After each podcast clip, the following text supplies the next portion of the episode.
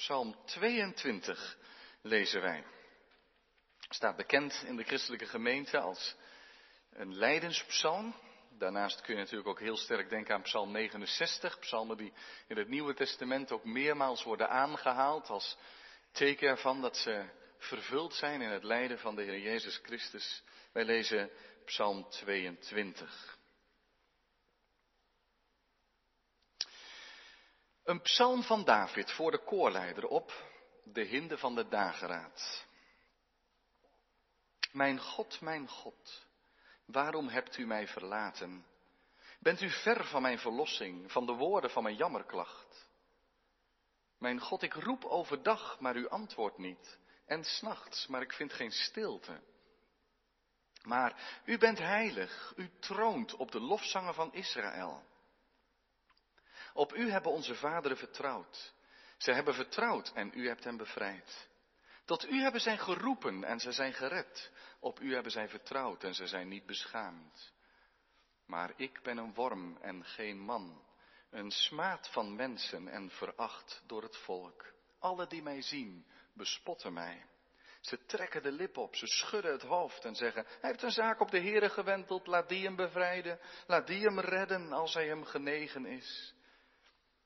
U bent het toch die mij uit de buik hebt getrokken, die mij vertrouwen gaf toen ik aan mijn moeders borst lag. Op u ben ik geworpen van de baarmoeder af, vanaf de moederschoot bent u mijn God. Blijf dan niet ver van mij, want de nood is nabij, er is immers geen helper. Vele stieren hebben mij omringd, sterke stieren van Bazan hebben mij omsingeld. Ze hebben hun muil tegen mij opengesperd als een verscheurende en brullende leeuw. Als water ben ik uitgestort, ontwricht zijn al mijn beenderen. Mijn hart is als was, het is gesmolten diep in mijn binnenste. Mijn kracht is verdroogd als een potscherf. Mijn tong kleeft aan mijn gehemelte. U legt mij in het stof van de dood. Want honden hebben mij omsingeld. Een horde kwaaddoeners heeft mij omgeven. Ze hebben mijn handen en mijn voeten doorboord. Al mijn beenderen zou ik kunnen tellen. En zij, ze zien het aan. Ze kijken naar mij. Ze verdelen mijn kleding onder elkaar en werpen het lot om mijn gewaad. Maar u, heren, blijf niet ver weg. Mijn sterkte, kom mij spoedig te hulp. Red mijn ziel van het zwaard, mijn eenzame ziel van het geweld van de hond. Verlos mij uit de muil van de leeuw en van de hoorns van de wilde ossen. Ja, u hebt mij verhoord. Ik zal uw naam, mijn broeders, vertellen. In het midden van de gemeente zal ik u loven. U die de Heere vreest, loof hem. Alle nakomelingen van Jacob, vereer hem. Wees bevreesd voor hem, alle nakomelingen van Israël. Want hij heeft de ellendige in zijn ellende niet veracht en niet verafschuwd. Hij heeft zijn aangezicht niet voor hem verborgen, maar hij heeft gehoord toen hij tot hem riep. Van u zal mijn lof zijn in een grote gemeente. Mijn gelofte zal ik nakomen in het bijzijn van wie hem vrezen. De zachtmoedigen zullen eten en verzadigd worden. Wie de Heere zoeken, zullen hem loven. Uw hart zal voor eeuwig leven.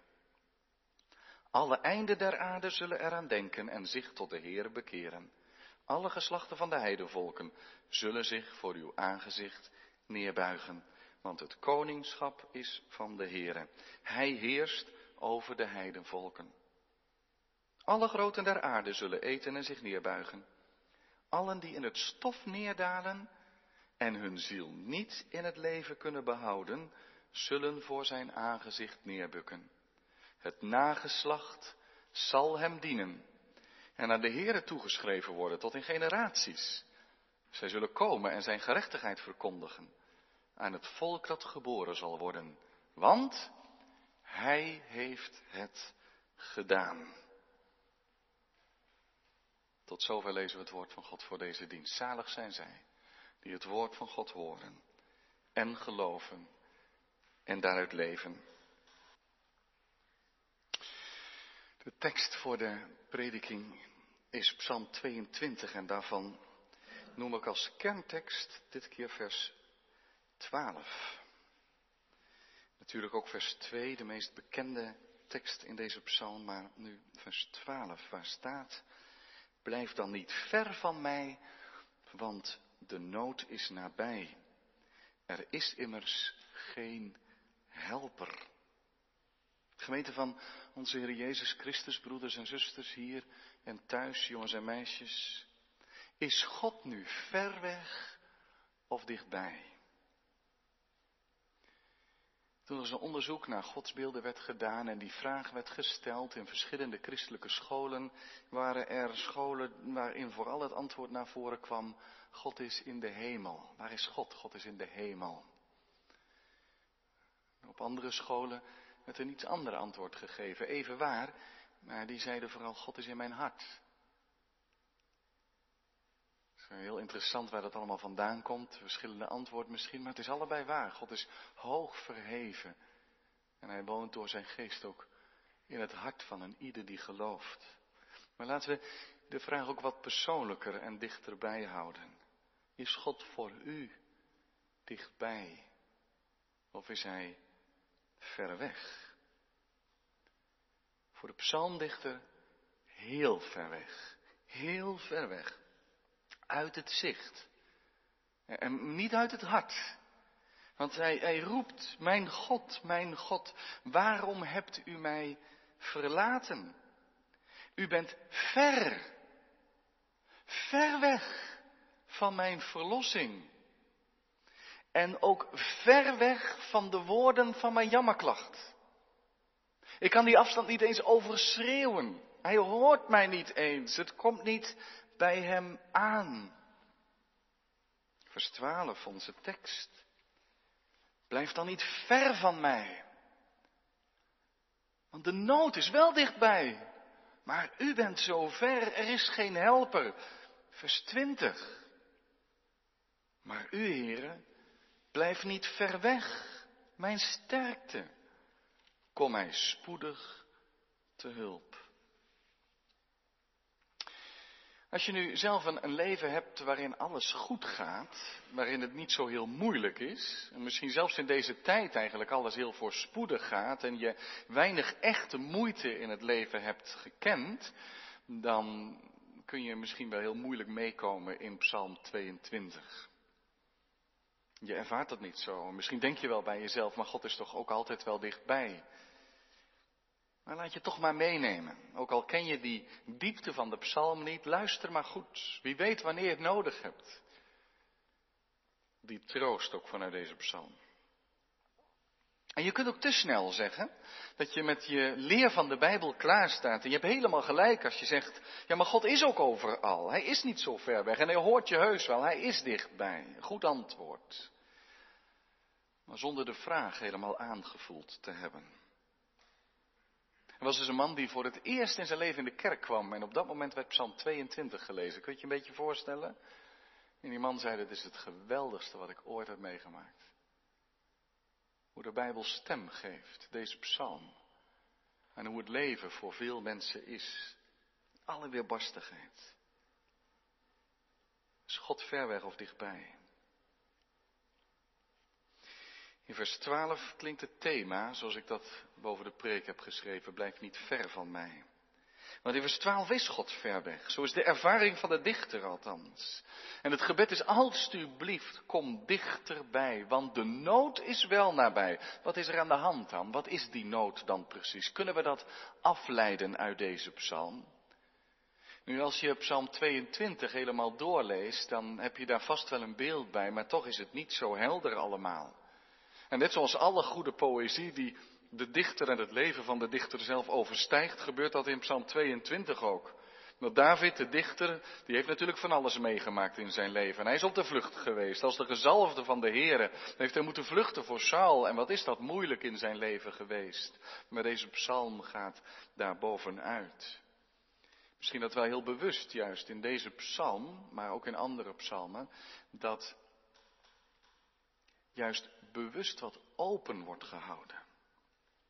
Kijk, aan de ene kant zeg je van er zijn vijanden in het leven van deze dichter. Want in vers 7 staat alle die mij zien bespotten mij. En in vers 13 staat vele stieren hebben mij omringd. Daar worden mensen mee bedoeld die klaarstaan om hem te verscheuren.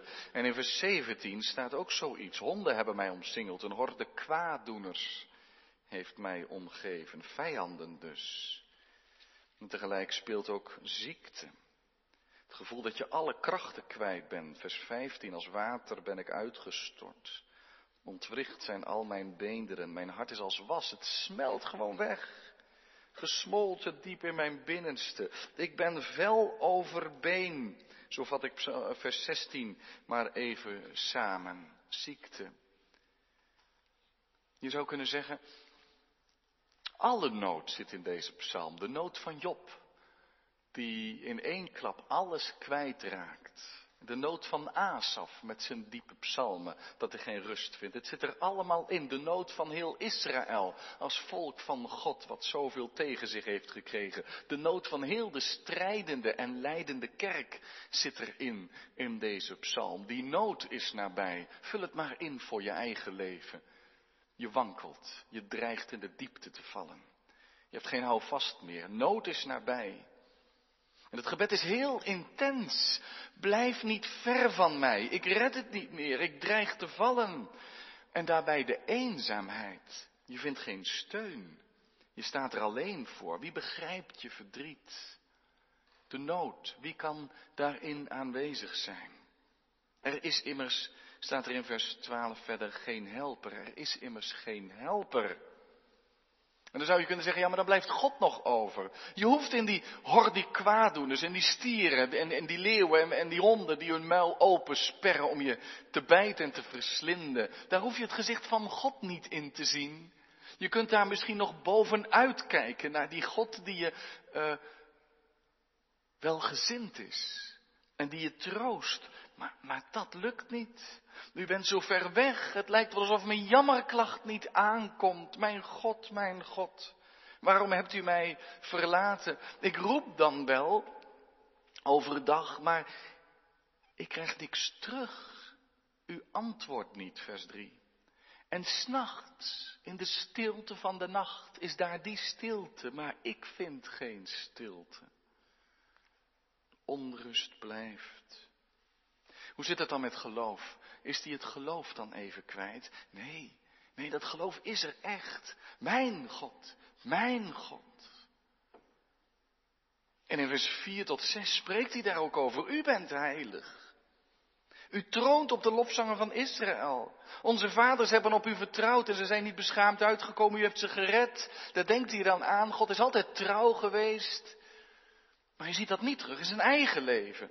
Kijk, zij riepen en ze zijn gered, vers 6. Ze hebben op u vertrouwd en ze zijn niet beschaamd. En in vers 9 staat dat hij het op de Heere gewenteld heeft. Dat wil zeggen, ze vertrouwen op God heeft gesteld. Het is een gelovige dichter die zich vastgrijpt aan God. Maar juist daarom wordt hij bespot. Ze zeggen, nou, hij wentelt het op de Heere, verwacht het dan van hem. En zo, en zo drijven ze daar de spot mee.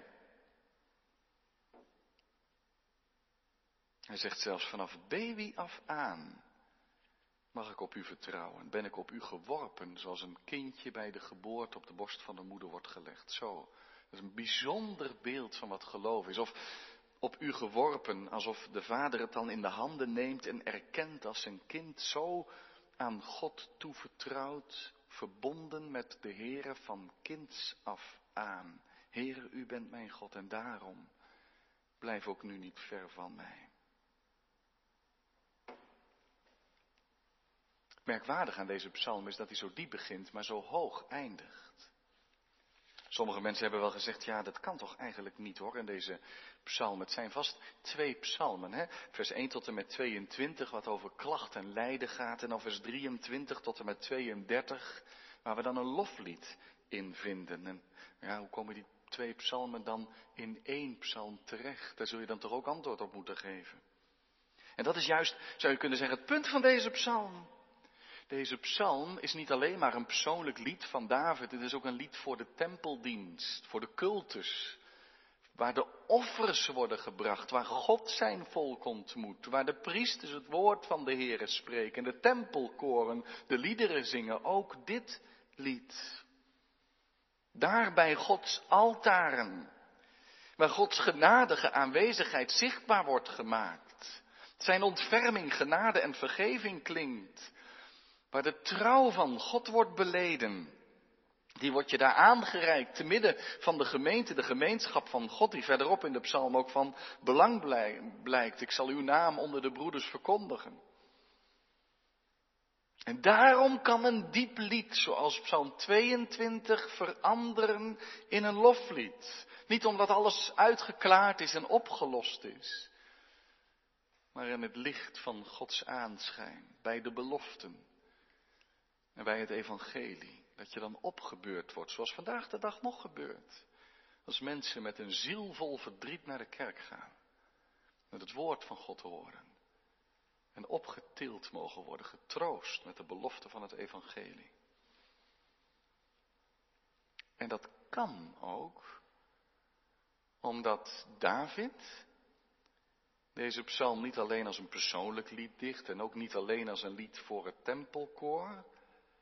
De dichter is een koning, de gezalfde van de Heere, die omdat hij gezalfd was, vervolgd is. Dat heeft ons iets te zeggen op de vlucht voor Saul, als gezalfde van de Heere. Omdat de Heere de hand op hem gelegd had, omdat hij de gezalfde is.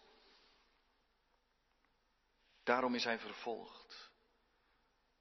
Je zou kunnen zeggen, David dichtte deze psalm, zonder daar alles van te zien hoor, maar hij dichtte deze psalm voor de Heer Jezus, de gezalfde van de Heer, die omdat hij de gezalfde was, verworpen en veracht is psalm gaat over Christus.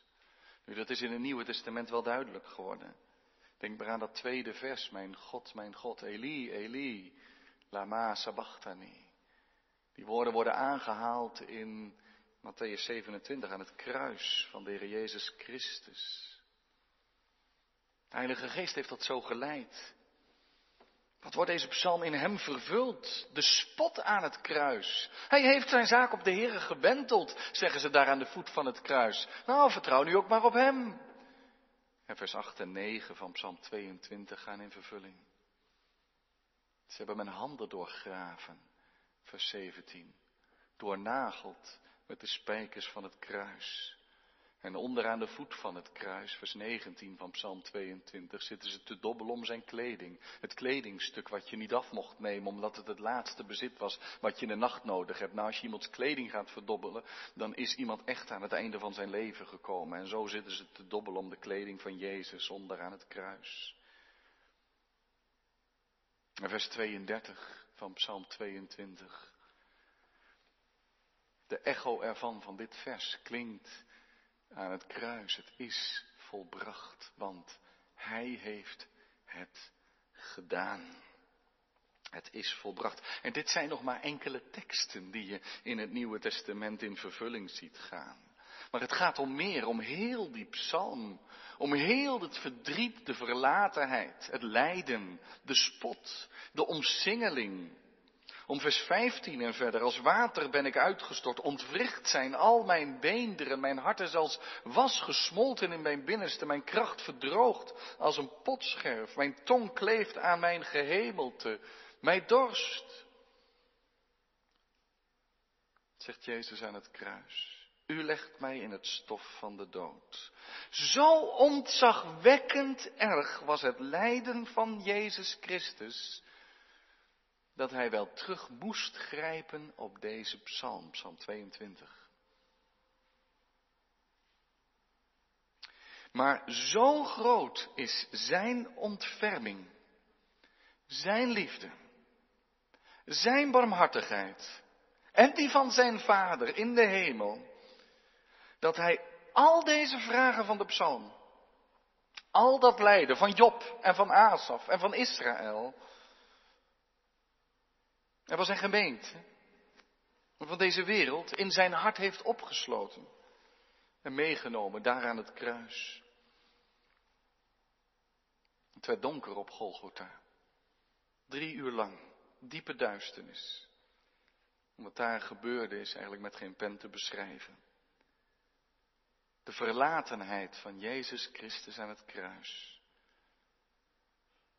Daar kun je je niet van afmaken met het gedachte van ja, dat was niet werkelijk, dat was maar een gevoel. Het was echt.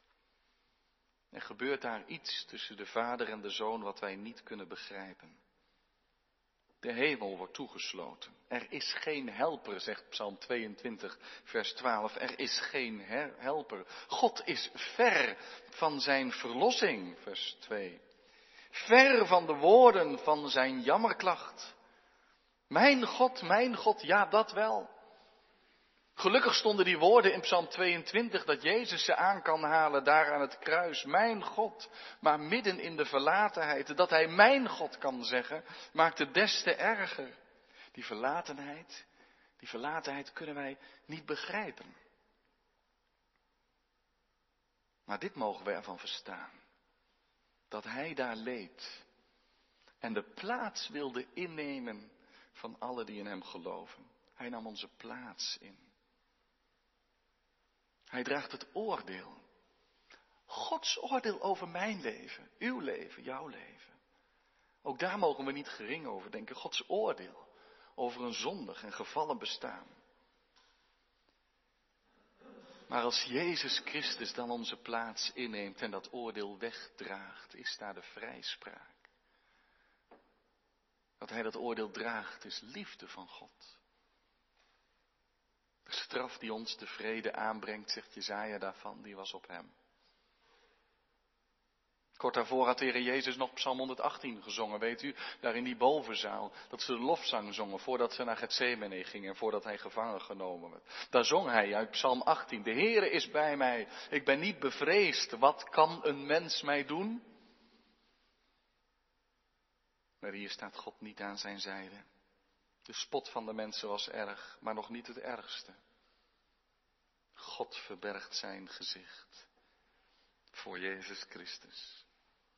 Daar heeft Christus de hel ervaren, de verlating, de toorn over alle zonden. Daar heeft hij die weggedragen. En genade en gerechtigheid verdient. En van daaruit vrijspraak voor zondaars. Het klassieke avondmaalsformulier vat het hele evangelie in een paar onbeschrijfelijk mooie woorden samen. Hij werd van God verlaten, opdat wij nimmer meer door Hem verlaten zouden worden. Onze Heer Jezus Christus heeft Psalm 22 vervuld, ook vers 12. Blijf niet ver van mij. Hij zelf is niet ver gebleven. Dit gebed is in ruime mate verhoord. Al gebeden van de aarde, o God, u bent zo ver, maar God bleef niet ver. Hij daalde neer in dit bestaan in zijn Zoon Jezus Christus. Hij is zo nabij gekomen. Zo nabij als de nood was daarin afgedaald. En hij heeft het op zich genomen, alle lijden, schuld en oordeel. Hij is niet ver gebleven van onze jammerklachten. Er is een helper. En tegen ieder die gelooft, mag ik zeggen, kind van God. Hij is nabij. Gelukkig mag je zijn in al je eenzaamheid en verdriet. In rouw, en verlies, in vervolging om Christus wil. Want je zult bij God zijn. Zijn genade is er overvloedig.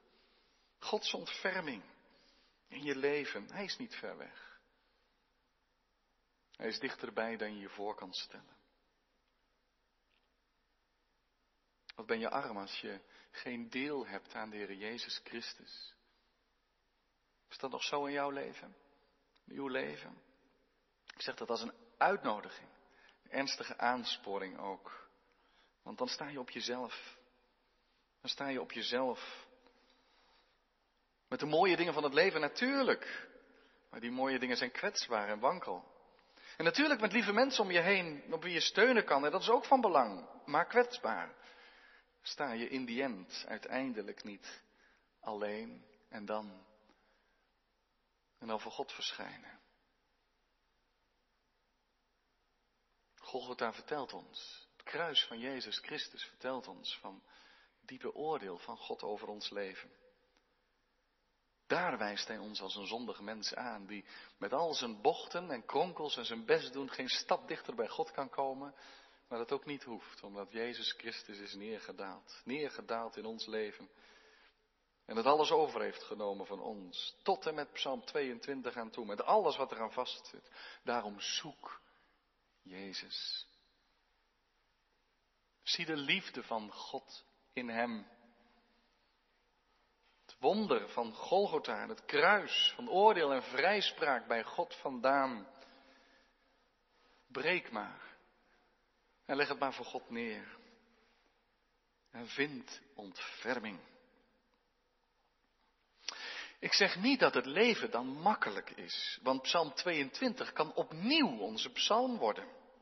Het gevoel van eenzaamheid. Dat je wel gelooft, maar dat je, zoals die dichter ook zegt, mijn God en, en, en onze vader hebben op u vertrouwd. En zo kan je dat hele evangelie beschrijven en dan zeggen, ja maar heer, ik heb daar de rust en de vrede niet van, ik vind geen stilte. En je kunt met Psalm 22 en vol getroost door deze psalm tot God gaan. En je laten helpen in je gebed. En toch, en toch mogen we deze psalm dan lezen in het licht van Golgotha. God is toch nabij. Omdat het volbracht is. Zoals die psalm eindigt, want hij heeft het gedaan. Het is volbracht en dat gaat nooit meer weg. God was in Christus de wereld met zichzelf aan het verzoenen. Hij heeft verzoening gedaan. Het is volbracht. Hij heeft het gedaan. En daarom, vers 22, dat scharnierpunt van die psalm, die blijft maar werken. Die blijft staan. Ja, u hebt mij verhoord in Jezus Christus. Daar en toen. In dat wonder wat daar, in het offer wat gebracht is, daar op Golgotha.